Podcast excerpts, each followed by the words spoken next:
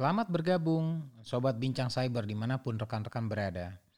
Pada episode ketiga ini kita akan berbincang seputar cyber security pada small medium business atau di Indonesia di, biasa disebut dengan istilah UMKM. Apa saja kendala dan ancaman cyber security yang sering menimpa small medium business? Serta aset digital apakah yang paling penting untuk dilindungi? Kemudian, apa saja yang menjadi landasan perhitungan investasi dan biaya cyber security bagi UMKM.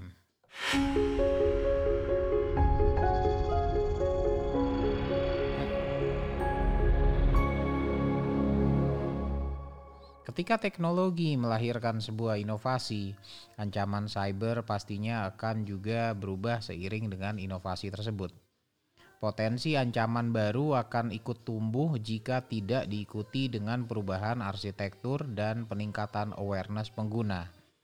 Peningkatan kecepatan mobile hingga koneksi 5G, penggunaan Internet of Things, semua ini tentunya akan berpotensi melahirkan ancaman baru. Ketika digital transformation merebut perhatian masyarakat Indonesia beberapa tahun yang lalu, istilah cloud computing muncul dan mendapat banyak perhatian sebagai opsi pilihan utama. Meskipun banyak perusahaan yang berlomba untuk mengadopsi, namun sedikit yang berpikir menyesuaikan kondisi arsitektur keamanannya sebelum pindah mempergunakan infrastruktur cloud. Ketika kita memindahkan data dan proses dari on-premise ke cloud, setidaknya kita akan kehilangan sebagian kontrol terhadap data atau minimal kehilangan visual dari data yang kita miliki. Saya tidak bermaksud membahas resiko penempatan data di cloud pada episode Bincang Cyber kali ini, namun hanya sekedar mengingatkan bahwa segala bentuk transformasi ataupun perubahan tata letak data perlu diawali dengan perencanaan cyber security yang cukup. Tanpa ini, resiko baru akan muncul sebagai akibat dari adopsi inovasi ataupun transformasi tersebut. Secara umum, fokus cyber security adalah menjaga agar operasional bisnis selalu dalam keadaan aman dan stabil, yang berarti juga perlindungan keamanan atas data, jaringan, perangkat, karyawan, dan konsumen dari ancaman cyber. Sekarang pertanyaannya, Apakah definisi sistem cyber security yang baik? Secara subjektif dan umum bisa diartikan bahwa sistem cyber security yang baik memiliki beberapa lapisan perlindungan yang tersebar di seluruh komputer, jaringan, dan juga pada level software atau aplikasi yang digunakan. Tidak berhenti sampai di situ, sistem cyber security ini tidak boleh hanya mengandalkan pada kompleksitas sistem cyber security, melainkan juga kepada knowledge dan awareness pengguna yang dapat berperan melengkapi celah keamanan yang belum tercover oleh sistem cyber security tersebut.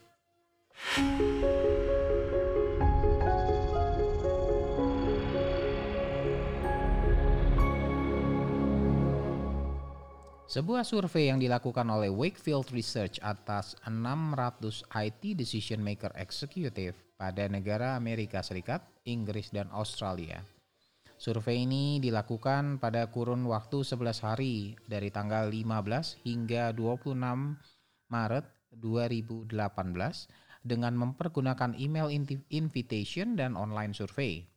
Ada empat poin uh, yang berhasil saya uh, share uh, apa saring ya dari episode apa dari hasil survei tersebut. Uh, yang pertama terkait kesiapan menghadapi ancaman cybersecurity. Hanya 21% dari responden menyatakan siap untuk memanage secara internal ancaman cybersecurity.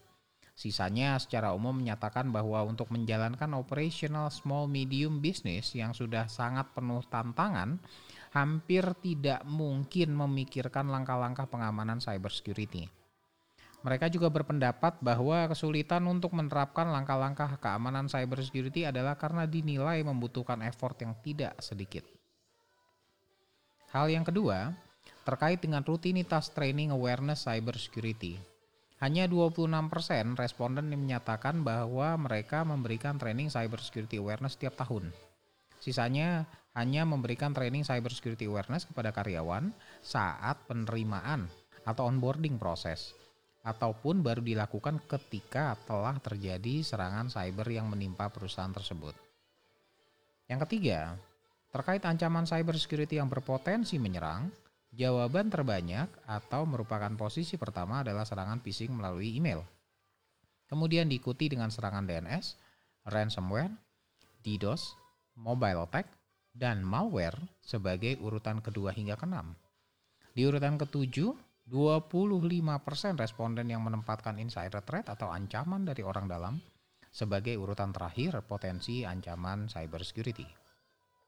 Yang keempat, terkait kerugian finansial maksimum yang mungkin terkena atau sebagai akibat dari kehilangan data nasabah atau kehilangan fungsi kritis bisnis sehingga tidak bisa beroperasi normal, Nilai rata-rata kerugian bagi small medium business adalah sebesar 527.000 dolar Amerika untuk small medium business di wilayah Amerika Serikat.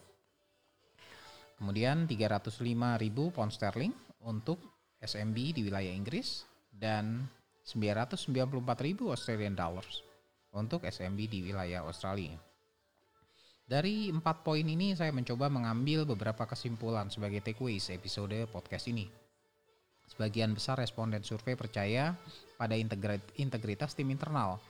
Karena itu mereka hanya menempatkan 25% risiko yang bersumber dari insider threat. Namun mereka menempatkan phishing sebagai potensi ancaman yang paling banyak terjadi. Phishing ini merupakan perantaran email yang diterima oleh karyawan yang biasanya kemudian terdapat link untuk mendownload malware secara tersembunyi Sebagian besar responden percaya pada integritas tim mereka namun khawatir terjadinya serangan yang diakibatkan ketidaktahuan ataupun kurangnya awareness tim internal.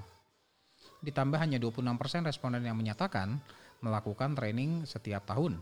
Asumsi saya, inilah yang menyebabkan bahwa hanya ada 21% responden yang menyatakan siap mengelola secara internal atas potensi resiko ancaman cybersecurity. Dan kendala terbesar bagi semua medium bisnis untuk menjaga dan terus mengembangkan arsitektur cybersecurity-nya terletak pada tim karyawan yang sering kali dari banyak pihak eh, terdiri dari banyak pihak ya termasuk dengan vendor.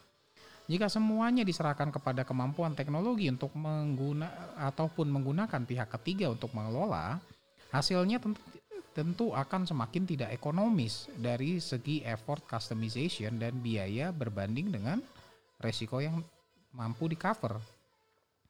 Sehingga boleh disimpulkan bahwa kualitas cybersecurity yang baik bagi small medium business adalah arrangement yang harmonis antara cybersecurity, arsitektur, dan kesiapan hingga kewaspadaan talent, human resources yang terlibat.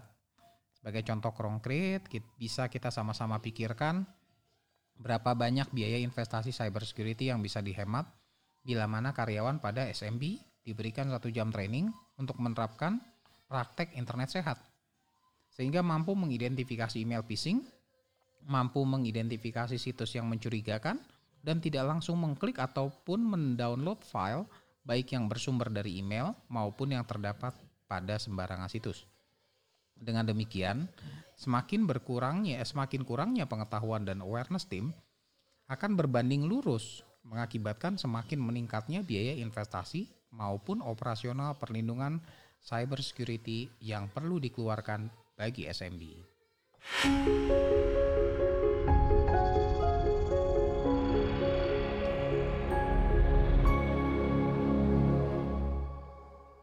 Istilah small medium business di Indonesia ser lebih sering diperkenalkan dengan istilah usaha mikro kecil dan menengah atau disingkat dengan UMKM mengutip dari sumber un, dari Undang-Undang Nomor 20 Tahun 2008, sumber dari situs umkmindonesia.id yang membagi usaha berdasarkan aset menjadi empat kelompok dengan kriteria sebagai berikut.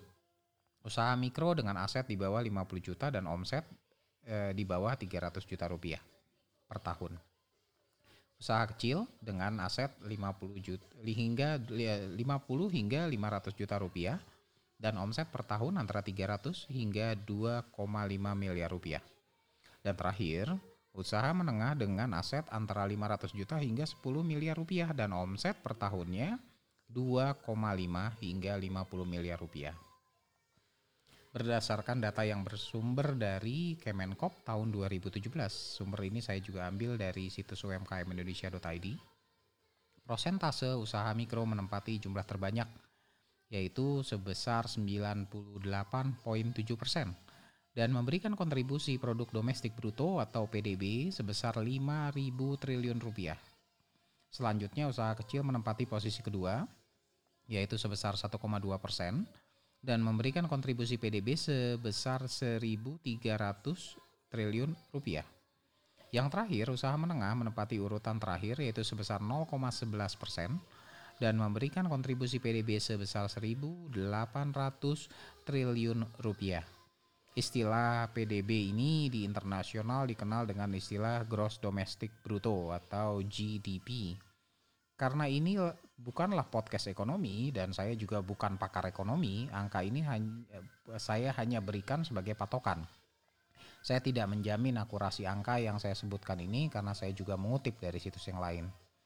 Kesimpulan dari data di atas, jika kita mengambil baseline terendah yaitu usaha mikro dengan omset per tahun di bawah 300 juta, alasan pemilihan baseline ini ya karena jenis usaha mikro menempati persentase terbanyak, yang 98% tadi, sehingga bisa jadi dijadikan patokan kelayakan investasi dan biaya operasional cyber security.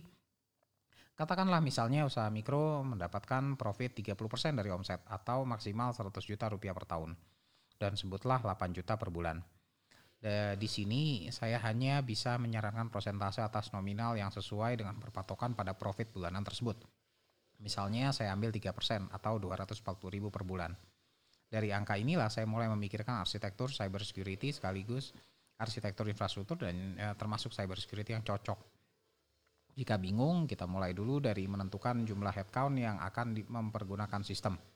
Biaya investasi dan operasional yang perlu dikeluarkan akan tergantung dari banyaknya headcount Singkatnya, biaya IT adalah biaya user. Biaya IT adalah biaya user per tahun. Antivirus, email server, atau cloud file, semuanya berawal dari jumlah user yang akan dipergunakan. Yang akan mempergunakan sistem tersebut. Jadi semakin sedikit jumlah tim, maka semakin sedikit pula biaya operasional. Semakin sedikit jumlah tim, semakin mudah dan bisa lebih sering melakukan cyber security training awareness.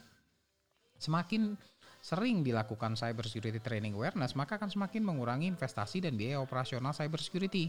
Kesimpulannya, jumlah karyawan dan pengetahuan cyber security yang dimiliki akan sangat berpengaruh pada besaran biaya yang akan dikeluarkan.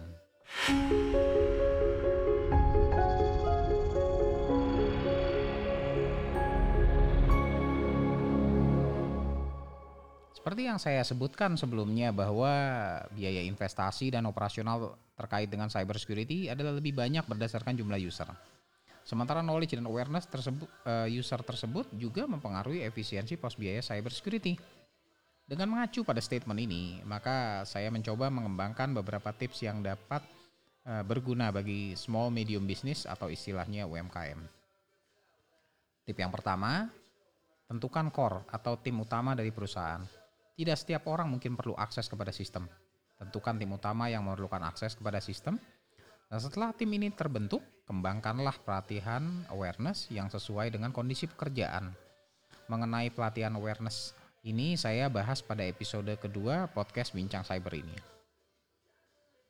Tips yang kedua, bring your own device atau BYOD. Tim yang terlibat dalam SMB biasanya memiliki perangkat sendiri yang dipergunakan untuk operasional bisnis. Reviewlah semua perangkat lengkap dengan aplikasi pada perangkat yang digunakan oleh tim ini. Pastikan semua perangkat sudah di-patch, lengkap, dan hapuslah aplikasi yang tidak dipergunakan. Hal ini berlaku untuk seluruh jenis perangkat yang terhubung, tidak hanya laptop atau notebook. Hindari mengunjungi situs-situs yang berbahaya melalui perangkat ini.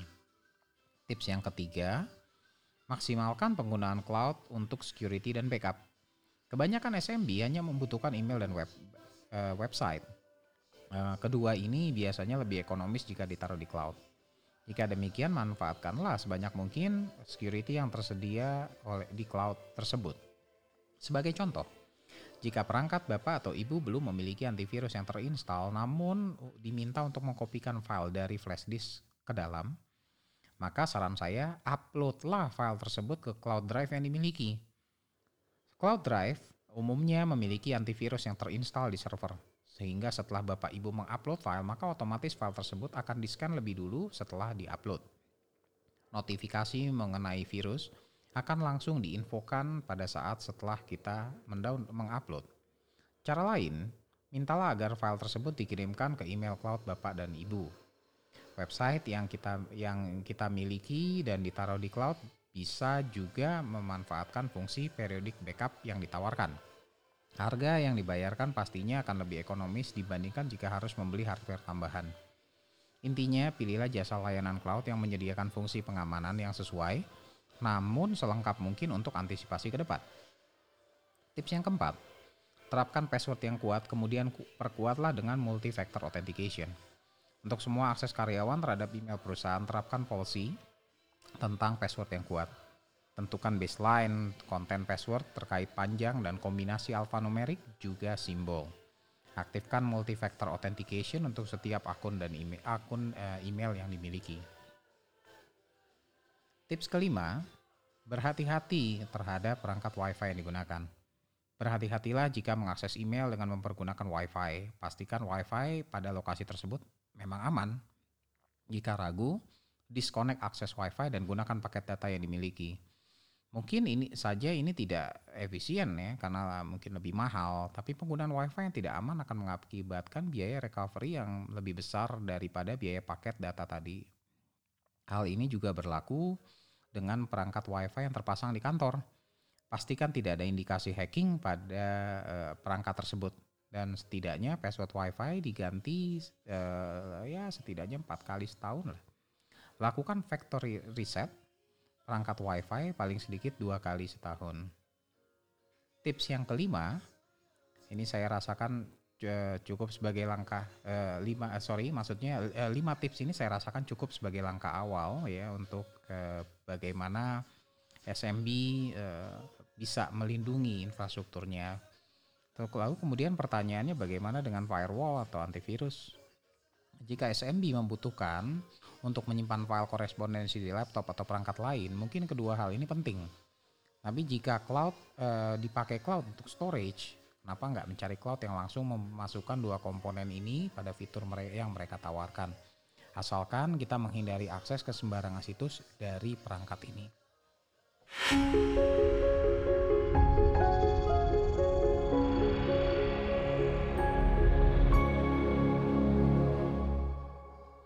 Pemikiran atas arsitektur cybersecurity sangat membingungkan. Salah kaprah biasanya terjadi karena pemikiran kita lebih mengacu pada potensi ancaman saja, tanpa mempertimbangkan faktor tim internal. Mulailah dengan menentukan tim utama dalam perusahaan, berikan training awareness dan tingkatkan keamanan akses dengan cloud dan autentikasi yang baik. Ada banyak cara dan langkah untuk menyusun perencanaan cybersecurity untuk small medium enterprise atau small medium business.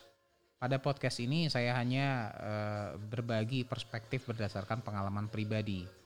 Jika ini adalah kebutuhan minimal, jika, uh, jika nantinya uh, setelah kebutuhan minimal ini terpenuhi, jika nantinya bisnis mengalami perkembangan, maka tentunya tidak ada salah untuk menambah alokasi biaya keamanan yang lebih efektif untuk melindungi operasional bisnis perusahaan yang tentunya semakin besar dan berkembang. Di era digital seperti sekarang ini, pelanggan akan memilih perusahaan lebih kepada alasan keamanan ketimbang harga yang murah. Sebab di situlah mereka menitipkan data dan kerahasiaan yang merupakan aset utama bagi nasabah.